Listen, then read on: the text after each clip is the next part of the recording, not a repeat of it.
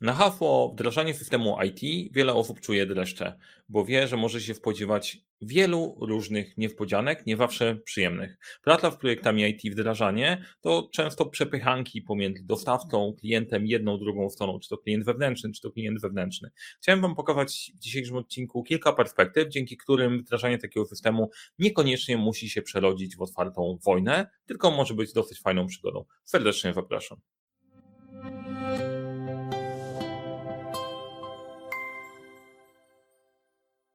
Cześć, nazywam się Mariusz Kapufta. Uczę jak rozpoczynać i kończyć fuklefem projekty w świecie, w którym brakuje czasu, brakuje zasobów, a to nie brakuje problemów i pomagam te problemy rozwiązywać. Lata temu pracowałem w IT, przez kilka lat w globalnym dziale IT. Do tej pory prowadząc projekty pracuję od czasu do czasu po obu stronach barykady. I po stronie firm, które zamawiają systemy IT i po stronie organizacji, które te systemy wdrażają, a czasem też pracując z działami wewnętrznymi IT i przy każdym projekcie pułapki są podobne. Chciałem dzisiaj o tych pułapkach poopowiadać, żeby było łatwiej te projekty po prostu prowadzić, bo one nie tyle dotyczą części merytorycznej, co czasem bazowych założeń, na których się wywracamy. Jeżeli temat zarządzania projektami Cię interesuje, interesuje Cię temat zarządzania, to na tym kanale znajdziesz tego sporo. Subskrybuj ten kanał, jeżeli tego nie, nie robisz. Jeżeli Ci się podoba to co, to, co mówię, daj łapkę w górę, kliknij dzwoneczek, żeby niczego nie, nie zapomnieć. A teraz przejdźmy sobie do tego naszego tematu współpracy klienta, dostawcy i w ogóle ludzkiego podejścia do projektów, w które IT jest jakoś uwikłane. Skupię się na tym, co widać na obrazku, bo najczęściej to jest taki element, w którym specyfika pracy jest trochę inna niż wewnętrznym działem IT. Praca z wewnętrznym dostawcą będzie inna. Dzielą na firmy, jest trochę inne podejście i pojawia się troszeczkę innych dodatkowych psychologicznych tematów, problemów, barier, które się pojawiają, ale po kolei. Zacznijmy od podstaw. Od podejścia do wyszukiwania potrzeb i zrozumienia, czego druga strona może chcieć. Moja propozycja jest taka: nie szukajcie potrzeb, tylko zrozumcie problem, który chcecie rozwiązać. I to dotyczy i jednej strony, i drugiej strony. W ogóle, podchodząc do jakiegokolwiek projektu, mamy tą naturalną barierę, że po jednej stronie mamy klienta, po drugiej stronie mamy dostawcę.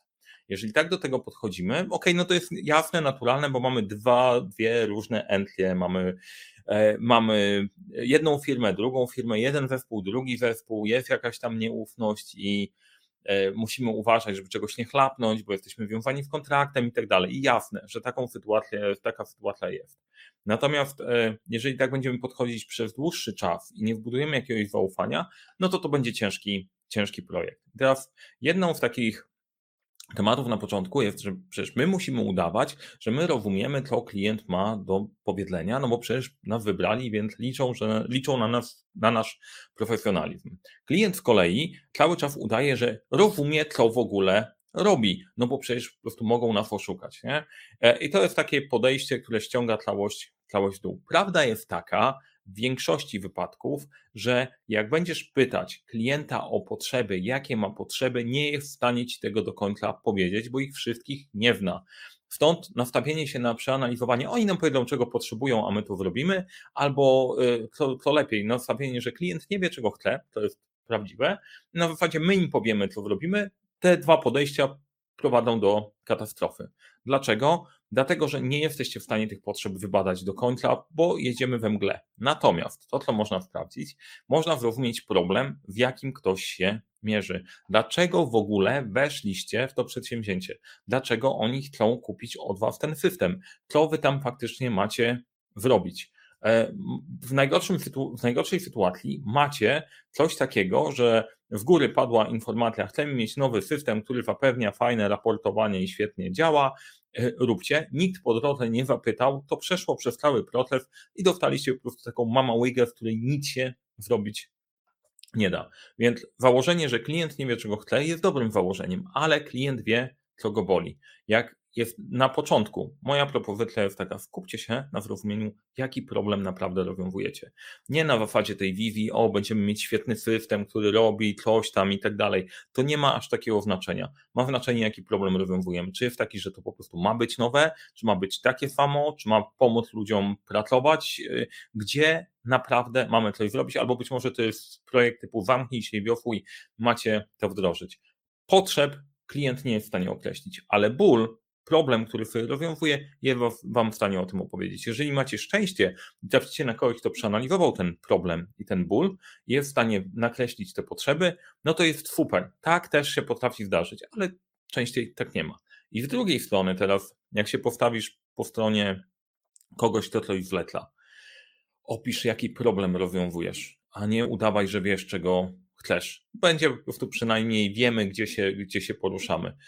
Chciałbym na koniec uzyskać taki efekt, ale główny problem do rozwiązania jest następujący i poznam, że projekt zakończył się sukcesem, jak ten problem po prostu zniknie.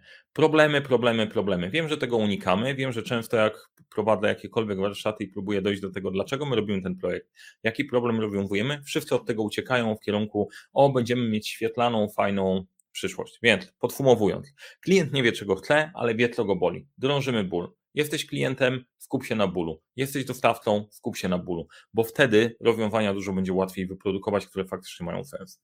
Drugie, klient nie rozumie procesu, ale ty też nie.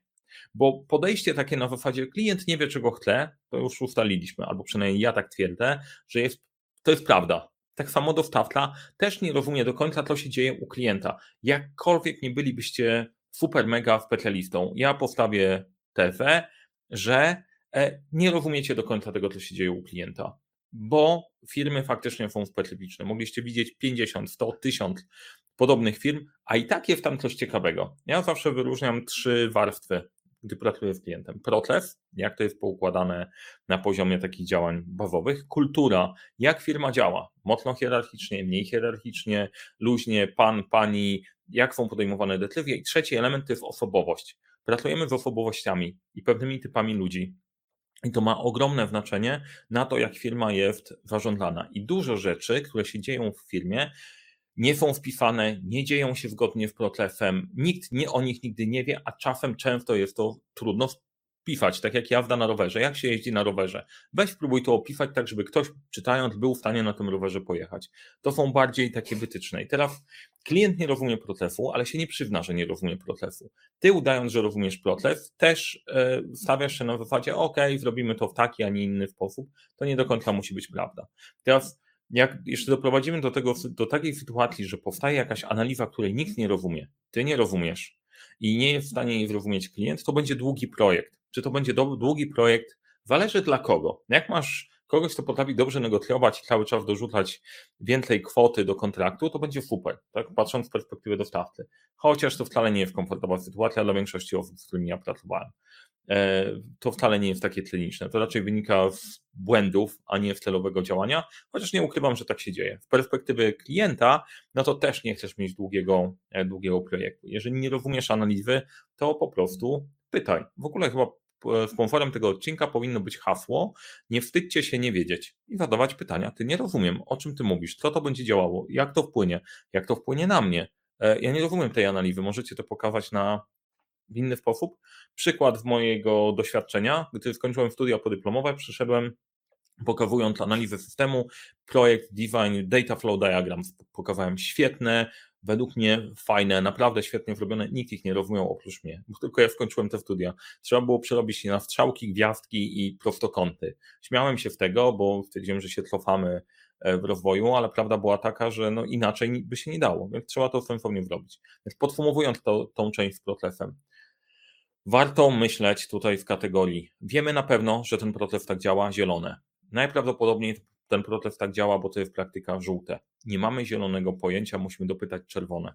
Nie bójcie się określać tych elementów procesu w taki sposób, bo wiecie, że na których elementach trzeba będzie popracować e, głębiej, a na który, które można odpuścić, bo będą bardziej e, oczywiste. To też ułatwi życie. Nie rozumiecie procesu, klient też nie rozumie procesu w porządku, ale pracując razem jesteśmy w stanie ten proces wydobyć i zrozumieć i jakoś zaprojektować w nowym obszarze. Trzeci element. Wakrew, wakrew, wakrew. Zawsze jak się sypie jakikolwiek projekt, zawsze e, jestem w stanie się założyć e, i to musimy przebadać. Przebadamy. Ale e, w tych projektach, z którymi ja miałem do czynienia, największym problemem zawsze jest zakres. Nie jest doprecyzowany wystarczająco, nie wiemy, co robimy, i nagle się okazuje, że robimy coś, co jest proste, miało trwać dwie godziny, trwa drugi tydzień i końca nie widać. Kto miał taką sytuację, wrzuca, wrzuca komentarz i daje łapkę, daje łapkę w górę. No miał być coś prościutkie, wmieńmy, dwie godziny, po prostu luzik. Mieliśmy kiedyś taki mini projekt w aplikacji, Wmieńmy, wmieńmy po prostu tło, będzie super. Okazało się, że to nie jest takie proste jak podmiana jednego obrazka i to było śmieszne, chociaż znając całą specyfikę projektów, wiem, że to potencjalnie nie powinno być skomplikowane, ale ja oceniłem, że to jest proste i to więcej e, mój wspólnik ze strony IT też ocenił, że to jest proste, po tygodniu stwierdziliśmy, zostawmy to, to nie jest, nie jest tego warte. I teraz to, to, co się dzieje z zakrefem, bardzo ciekawa rzecz, że tam, gdzie jest ważne, najczęściej to jest opisane dosyć ogólnie. Mamy jakieś jedno hasło, które opisuje e, rzetelne raportowanie, świetnie działający system, szybka reakcja na użytkownika. I jest ogólnie. A tam, gdzie jest łatwo, są szczegóły. Dlaczego tak się dzieje? No bo łatwo jest opisać łatwy proces, dokładnie. I wtedy siadasz, czujesz, że masz opisane, że jest dokładnie. Tylko zabawa polega na tym, że to nie o to chodzi. Łatwy proces to ty sobie opiszesz nawet w trakcie. Natomiast bardziej skomplikowany, czy powiedziałem sobie, ok, e, ale bardziej skomplikowane wam się nie wyjaśni, więc to ta podpowiedź, żeby klasyfikować te procesy na czerwone, żółte, zielone, to może być dobry, może być dobry pomysł. I jeżeli czegoś nie wiesz, przyznać, że tego nie wiesz, i tam musimy po prostu szczególnie się wbić. Zostawianie ogólnego opisu e, dla, e, dla włożonych procesów to jest taki sobie pomysł. Jak najlepiej sprawdzić, czy masz zdefiniowany zakres, czy on się przekłada na konkretne działania. Nie? Czyli albo jeszcze prostsze pytanie, po czym poznasz, że ten kawałek został, został do, dostarczony? Czyli e, e, przyjazny dla użytkownika, po czym poznamy, że jest przyjazny dla, dla użytkownika i to od razu po prostu daje do myślenia, kurde, nie wiemy, zastanówmy się. I myślenie o liczbach na tym etapie daje, daje całkiem niezły patent. Natomiast Zakres, zakres, jeszcze raz zakres, pilnowanie, czy wszystko uwzględniliśmy, czy pomyśleliśmy, czy pomyśleliśmy o zależnościach, to po prostu nie wniknie, na to warto poświęcić czas, nawet olewając pozostałe rzeczy. Tak szczerze mówiąc, czas, pozostałe tematy, one będą pochodną tego, jak dobrze określimy, co ma w projekcie być zrobione, więc nie wpadnijcie w tą pułapkę, że to, co wiemy, to bardzo szczegółowo, to, co nie wiemy, to jakoś dogadamy w trakcie, bo to jest, to jest błąd. Kolejna rzecz. Koszt tego, co chcesz zrobić, wynika z zakresu i ryzyka. To stosunkowo prosta zależność. Masz e, projekt, masz pewne rzeczy do wykonania, które kosztują X. Do tego mogą być rzeczy nieprzewidziane. Nieprzewidziane, nieprzewidziane, albo przewidziane, nieprzewidziane, całe ryzykowne. Jak dodasz jedno do drugiego, ten koszt bazowy, do tego rezerwę na ryzyko, wychodzi ci koszt całego projektu. Tak proste, jasne, przejrzyste. Tylko, że problem polega już na etapie kontraktu. Case, który ja słyszałem lat temu ileś tam i wiem, że nadal działa, dajesz niską cenę, żeby wejść i wygrać kontrakt. Jak wygrasz ten kontrakt, to później klientowi trudno jest zrezygnować, ale można się odkuć na część requestach. A, to jeszcze to doprecyzować, to doprecyzować, to doprecyzować. Jak jesteście czujni, to zobaczycie, że te poszczególne pierwsze trzy punkty, jeżeli je przeskoczyliście macie ogólne obszary w pewnych miejscach, mogą być wykorzystane przeciwko Wam, jeżeli Wy zamawiacie taki system. Teraz po co to mówię? Mówię to po to, żeby się zastanowić poważnie przy wletaniu czegokolwiek i porównywaniu ceny, czy porównujecie jabłka do jabłek, bo nie zawsze tak musi, tak musi być. Nie jest to najfajniejsze podejście z jednej i z drugiej strony, ale warto mieć, warto sobie zdawać sprawę, że na rynku może być, może być stosowane. Im lepiej ty zrozumiesz zakres, tym lepiej e, i dzięki temu unikniesz takiej niespodzianki. Kolejny element, teraz rada po stronie dostawcy. Uświadom klienta, że samo się nie zrobi. Od razu, jeżeli jesteś, kupujesz taki system, to uświadom sobie, że samo się nie zrobi. E, jedna, e, jedno w podejść, w którym się, znaczy znowu to jest humorystycznie, żebyście nie traktowali tego wszystkiego na poważnie.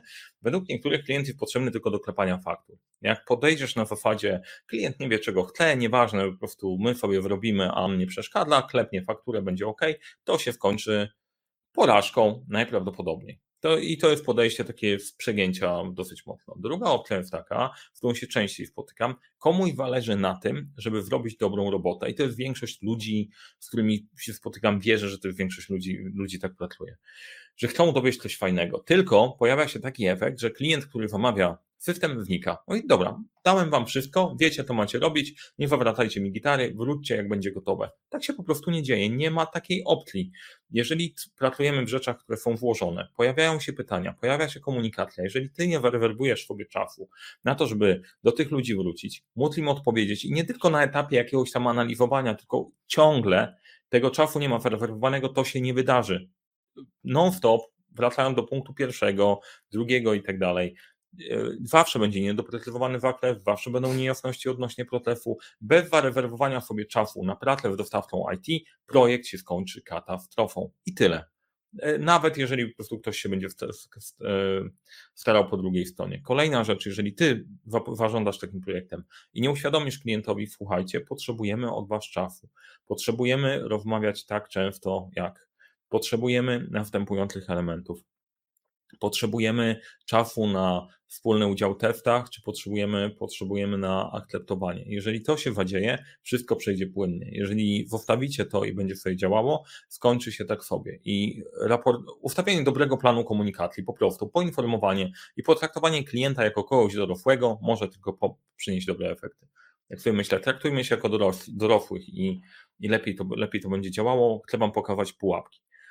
Kolejna rzecz to jest właściwy tryb kontraktu. Nie, bo to jest kwestia, e, co najczęściej się dzieje. Podpiszmy kontrakt fixed price, nie będzie, nie będzie tlerów, nie? E, no generalnie sytuacja jest taka, że od bardzo dawna istnieje podejście, że mamy kontrakt fixed price, że mamy ustalony zakres, ustawioną tlenę i zawsze były podejścia time and material i różne opcje łączone. Teraz jeżeli mamy kontrakt, gdzie chcemy koniecznie od dostawcy wymusić, że będzie kontrakt z określoną ceną, to co będzie robił dostawca? Dostawca postara się opisać zakres w miarę ogólnie, żeby były tam elementy do, żeby zarządzić tym ryzykiem i doda do tego sobie odpowiednią kwotę. Dlaczego w miarę ogólnie? Dlatego, żeby nie dało się doczepić do, do niektórych rzeczy i można było tam w razie W e, negocjować, powalczyć i wrzucić minimalną, minimalną wartość i powiedzieć, że to wymaganie jest spełnione, jakoś w fondzie się nie spotkamy. Znowu nie wynika to z tego, że albo nie wiem, z czego to wynika, ale jak się zastanowicie trochę, no człowiek musi zarządzić ryzykiem i tyle. Z drugiej strony, ktoś, kto to zamawia, chce dokładnie wiedzieć, ile za to zapłaci, całe ryzyko przewalić na dostawcę. No po prostu tak w przyrodzie nie ma. Zadzieją się dwie rzeczy. Albo dostawca łyknie to i później będzie odkuwał się część requestami, e, albo w pewnym momencie porzuci projekt i tak słabo się to skończy. Więc jakie jest rozwiązanie? Rozwiązanie jest takie, i to czytałem książkę kilkanaście lat temu. Jeżeli mamy tematy związane z analizą, to warto zrobić je na zasadzie timing material. Zapłaćmy za wykorzystany czas. A później, jak już wiemy, co chcemy zrobić, to na to można zrobić fixed price. I wtedy to faktycznie ma sens, bo ty wiesz, ile to będzie kosztowało i jak możemy, możemy to dowieść. To prawda, to będzie wyglądała być może inna liczba niż ta, która była narzucona z góry, że w tym mamy się zmieścić, ale to też jest totalnie, totalnie inne story, bo być może wrócisz wtedy do osób, które wlatają ten system i powiesz, co jest możliwe w tym budżecie, który jest dostępny i wiadomo, że go dowieziemy w tym budżecie. Bo inaczej jest spora szansa, tak jak w wielu projektach, że ta bańka, która była tam przeznaczona, nie skończy się, tylko skończy się razy 1,8. Pamiętam stałą, stałą, na której my pracowaliśmy dawno temu i też jest podobna. Mnożysz czas i koszty projektu, które ci się wydają, mnożysz razy 1,8 i to daje właściwą, e, najprawdopodobniej właściwe oszacowanie, ile projekt będzie trwał, ile będzie kosztował. Więc podsumowując punkt numer 6, pamiętajcie, że są kontrakty nie tylko fixed price, ale time and material i można je razem ze sobą połączyć. Siódmy temat, zaangażuj IT klienta.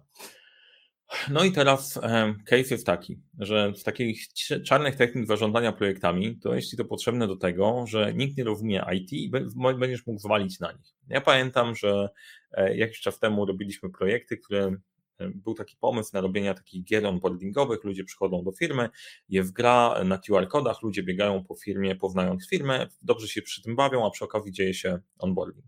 Jednym z elementów, który sprawiał, że udawało nam się e, podchodzić do rozmów z HR-ami, był taki, że nie wymaga zaangażowania IT. I od razu twarz się uśmiechała, od razu bariery wnikały, bo ta współpraca w IT różnie wygląda. No i w tym momencie już widzę, łapki w dół od wszelakich ludzi w IT. Nie, nie, nie, my jesteśmy otwarci na współpracę. Ja wiem, że jesteście otwarci na współpracę, ale mimo wszystko dysponujecie wiedzą tajemną, którą nie rozumie większość wszechświata, ciężko się dogaduje. Teraz Jeżeli tego IT nie wyangażujemy w miarę wcześnie i po prostu nie dogadamy się z chłopakami, to się wysypie. Z drugiej strony, jeżeli ty jesteś klientem i nie pogadasz z ludźmi IT po twojej stronie, to też się wysypie. E, dlatego znowu, że to nie, nie wynika z braku kompetencji, chociaż być może czasem, tylko um, dużo osób sobie nie zdaje sprawy ze, ze złożoności systemów, na których operujemy, tego jak to działa, jak czasem potrafi być polepione plastrem, żeby tego w ogóle nie ruszać, żeby zmienić jak jest skomplikowane i obłożenia, obłożenia pozostałymi tematami. Więc to zaangażowanie IT, ja wiem, że to jest totalnie oczywiste, że to trzeba zrobić. Wiem, że też są bardzo mocno zajęci, ale tym bardziej warto, warto o, to, e, o to powalczyć. Wiem, że dużo osób po prostu odpuszcza na zasadzie nie mamy czasu i tak dalej. Nie, wtedy te projekty kończą się źle. Czy to wydaje się oczywiste? Tak. Powiedziałem absolutny banał w tym numerze siódmym. Nie zastanawiam się, czy cały ten odcinek nie jest oparty o banałach, ale chyba największy problem, który mamy e, Jordan Peterson powiedział chyba coś takiego, że są pewne prawdy, które wydają nam się oczywiste, że zdążyliśmy o nich zapomnieć. I to nie tylko w ludzkości, ale też w przypadku zażądania chyba. Kurczę, to jest ważne. Szczególnie w wyniku, a nie, to nie mogę zdradzić jeszcze, bo nie mamy opublikowanych badań, ale po prostu ten siódmy punkt, mam dowody naukowe, że ma sens. Ósmy y, punkt, agile to nie metoda no nie wiem, błagać, nie błagać. Chciałem powiedzieć, błagam was, nie mówcie, że zrobimy ten projekt Agile, zrobimy ten projekt w inny sposób, bo to naprawdę, to nie ma znaczenia. To nie ma znaczenia. Znaczenie ma, znaczy inaczej, ma pewne znaczenie pod kątem wytwarzania. Tylko, że jedną rzeczy, którą ja widziałem na spotkaniu ze dostawcą, gdzie dostawca opowiadał, jak wdroży system CRM, dostawca powiedział, będziemy pracować w inny sposób, tutaj analizę będziemy robić praktycznie cały czas, tu będziemy zdarzać poszczególne etapy, a na koniec ściągniemy dane, e, dane produkcyjne, zrobimy ostateczne testy. Mi aż się po prostu, e, aż mnie to boli, bo jedną z lekcji, którą wyciągnąłem przy moich projektach jest, jeżeli nie zaciągniesz danych produkcyjnych zaraz na start, zaraz na start, to się pakujesz problemy, bo ludzie nie są w stanie sprawdzić, czy to, co robisz w ogóle działa, bo na danych e, testowych, nieprawdziwych, nieodpowiadających rzeczywistości ludzi ci nie wyłapią błędów, więc po pierwsze tego się nie robi. Jak to się zadziało, to mi się odpaliła czerwona lampka, ale druga opcja to Agile jest takim wytrychem, że będziemy mogli wprowadzać zmiany do ostatniej chwili i spokojnie, niczego nie musicie potwierdzać, będzie miło, fajnie i będziemy wyjść do przodu. To nie jest dobre podejście sign-offy, podpisywanie poszczególnych etapów, odbiory, to jest clue. Teraz część osób może mi powiedzieć, no ale przecież gdyby to robić agile, to mamy po prostu przecież e, zakończenie sprintu, dajemy, klient to odbiera i tak dalej. Spoko, ale teraz tak, zastanówcie się, jak najczęściej to wygląda. Czy to jest nie tak, że mamy kontakt fixed price i jest poukładany waterfallowo, a pod spodem ktoś uda, stara się zorganizować pracę IT w bardziej zwinny sposób. Nie? Dajcie mi znać, jak jest. Jestem przekonany, że w większości wypadków tak jest. W tych, których ja widziałem, najczęściej tak wygląda sytuacja. Rzadko mamy skonfigurowany tak zespół, żeby faktycznie w inny sposób działało iteracjami. Jak tak pracujecie, dajcie koniecznie znać jako informacja, że tak można, bo to jest fajne. Natomiast to, co chcę powiedzieć, to jest wytrych. Jeżeli mówimy, że cały czas będziemy mogli wprowadzać zmiany i wszystko będziemy, będzie ok, do ostatniej chwili możemy coś pozmieniać, to fajnie brzmi, ale na tak na dobrą sprawę za tym idą koszty. Więc nie dajcie się nabrać, jeżeli ktoś wam mówi, że no ok, do ostatniej chwili gdzieś tam są zmiany i będzie wszystko fajnie, bo wtedy warto zapytać, dobra, jaka jest wtedy procedura, jak my wprowadzamy to jest change requestem, jak my będziemy to, e, to wytleniać, kiedy zatwierdzamy poszczególne elementy, elementy zakresu. Naprawdę to trzeba zrobić nie ucieknie się od tego, bo ucieczką jest coś, co e, ucieczką jest faktycznie kierunek, kierunek byle jakość. Więc zrobimy ten projekt w inny sposób. I don't care, jak zrobicie. Winny, niewinny, hierarchiczny, wamordystyczny, to nie ma znaczenia. Pytanie, czy są poukładane podstawowe rzeczy. Jak będą, to róbcie sobie jakkolwiek. Jak nie, to najprawdopodobniej to ściema będzie. E, I teraz z mojej strony to wszystko. Mam nadzieję, że Wam się podobało. Dajcie łapkę w górę, napiszcie mi, napiszcie mi w komentarzu. Zapraszam Was do zapisania się na newsletter. E, na newsletterze odpaliliśmy nową wersję kursu online. Wprowadzenie do metody 12 pytań KIFPM. Wszyscy, którzy się zapiszą na newsletter, dostają dostęp do tego kursu za free. Znaczy dostajecie od nas kupon na wartość kursu, czyli 99. Jaki jest cel? Cel jest taki, żeby jak najwięcej osób zaczęło pracować w sposób projektowy. Misja, którą sobie postawiłem parę lat temu, bardzo fajnie się realizuje. Chcę, żeby realizowała się jeszcze bardziej, zapraszam Was na newsletter. Tam, będzie, tam oprócz tego kursu są informacje, co robimy, co się dzieje, e, co wrzucamy, wrzucamy na YouTube'a, plus promocje, plus oferty, oferty dla ludzi na liście, więc jesteśmy w kontakcie, w kilka jeszcze dodatkowych pomysłów, warto tam generalnie być. Dzięki bardzo, że wysłuchaliście. Tak się zastanawiam po prostu, czy mi się nie, ta czarna koszula nie odbiła i czy nie był zbyt e, pesymistyczny ten odcinek. Ciężko mi się skalibrować, ale mam nadzieję, że jakąś wartość dla Was przyniesie i pozwoli Wam uniknąć tych pułapek. Powodzenia w projektach i do dzieła, bo samo się nie zrobi.